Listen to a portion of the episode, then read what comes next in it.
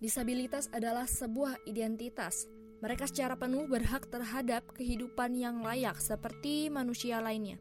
Namun, acap kali hak-hak mereka belum dapat dipenuhi. Salah satu contohnya adalah hak pendidikan tinggi. Padahal, hak-hak difabel telah diatur dalam Undang-Undang Nomor 19 Tahun 2011 tentang pengesahan konvensi dan hak-hak disabilitas. Dilansir dari tirto.id dan Kompas, hanya sedikit kampus negeri yang dilaporkan menerima mahasiswa difabel. Di antaranya adalah Universitas Sunan Kalijaga, Universitas Brawijaya, Universitas Gajah Mada, Universitas Negeri Surabaya, dan Politeknik Negeri Jakarta.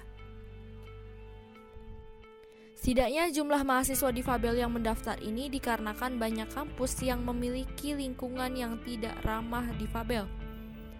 Selain itu, materi ajar inklusif yang terbatas dan belum ada sumber daya yang mendukung pembelajaran bagi mahasiswa difabel dinilai menyulitkan bagi calon mahasiswa. Bagaimana Sri Lestari, seorang aktivis pemberdaya masyarakat disabilitas Yogyakarta, menanggapi krisis pendidikan bagi kaum difabel ini? Ketika kampus-kampus sekarang ini sudah mulai membuka, tapi belum banyak yang mengakses, itu kemungkinan juga karena uh, difabelnya ragu ataupun belum ada fasilitas yang lengkap. Karena kan aksesibil, uh, aksesibilitas itu kan tidak hanya aksesibilitas fisik. Misalnya uh, kalau dilihat aksesibilitas untuk teman netra gimana untuk teman tuli gimana. Jadi masih ada beberapa hambatan yang membuat difabel itu uh, tidak bisa masuk ke universitas tersebut Penyandang disabilitas sebetulnya dinilai cukup mampu untuk belajar di perguruan tinggi. Namun seperti apa persiapan yang dilakukan oleh pengajar dalam mendampingi siswa mengikuti tes masuk universitas? Berikut adalah pemaparan Nenden, pengajar di SLB Alfaza Sumedang. Kalau pendidikan itu kan mereka mereka juga berhak nih ya pendidikan gitu kan sama dengan uh, apa dengan anak anak-anak yang lain dengan siswa yang normal yang lain sama gitu. Karena kan siswa BK juga anak berkebutuhan juga kan mereka dilindungi oleh undang-undang ada undang-undangnya kan. Kan uh, untuk masuk ke kampus itu kan siswa belajar dulu dari sekolah luar biasa. Sekolah luar biasa itu kan belajar siswa dari mulai dia dari TK ya. Misalkan kalau TK itu kan belajar bermain apa mengenal huruf kan seperti itu kan TK SD SMP SMA sampai belajar begitu itu kan sama sebenarnya sama dengan sekolah umum neng gitu. Jadi hmm. mereka juga di sekolah itu kan di, diajarin belajar baca berhitung gitu kan menulis gitu kan.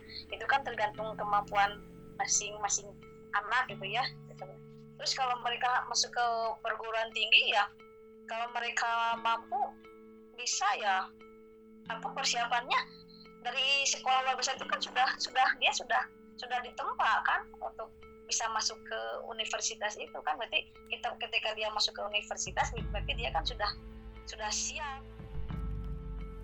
Menjadi mahasiswa berkebutuhan khusus bukanlah sebuah halangan untuk Dikto. Ia sendiri telah membuktikan bahwa dengan keadaan yang berbeda, ia tetap bisa terus berkarya, seperti mahasiswa pada umumnya. Mungkin sudah cukup baik begitu, tetap tetap terpenuhi apa yang aku perlukan gitu. Sebenarnya kalau kita itu sebagai difabel gitu kita itu sebenarnya pengennya itu dianggap sama gitu ya.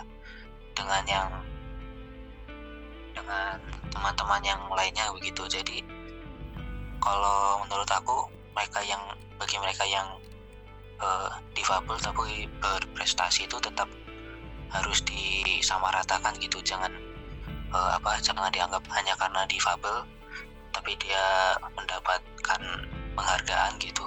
Akhirnya ditinggi-tinggikan gitu itu jangan. Jadi kalau menurut aku uh, lebih baik disamaratakan gitu loh. Karena mereka juga pengen dianggap sama gitu. Pendengar sebuah kabar baik bahwa beberapa kampus di Indonesia sudah banyak yang menerima mahasiswa difabel. Perlu diketahui bahwa difabel bukanlah hal yang perlu dipermalukan atau disesali. Disabilitas adalah salah satu identitas dari manusia yang harus masyarakat terima. Menurut para pemberdaya disabilitas, hukum di Indonesia ini yang melindungi mereka sudah bagus, namun juga harus diimplementasikan dengan baik dalam kehidupan bermasyarakat.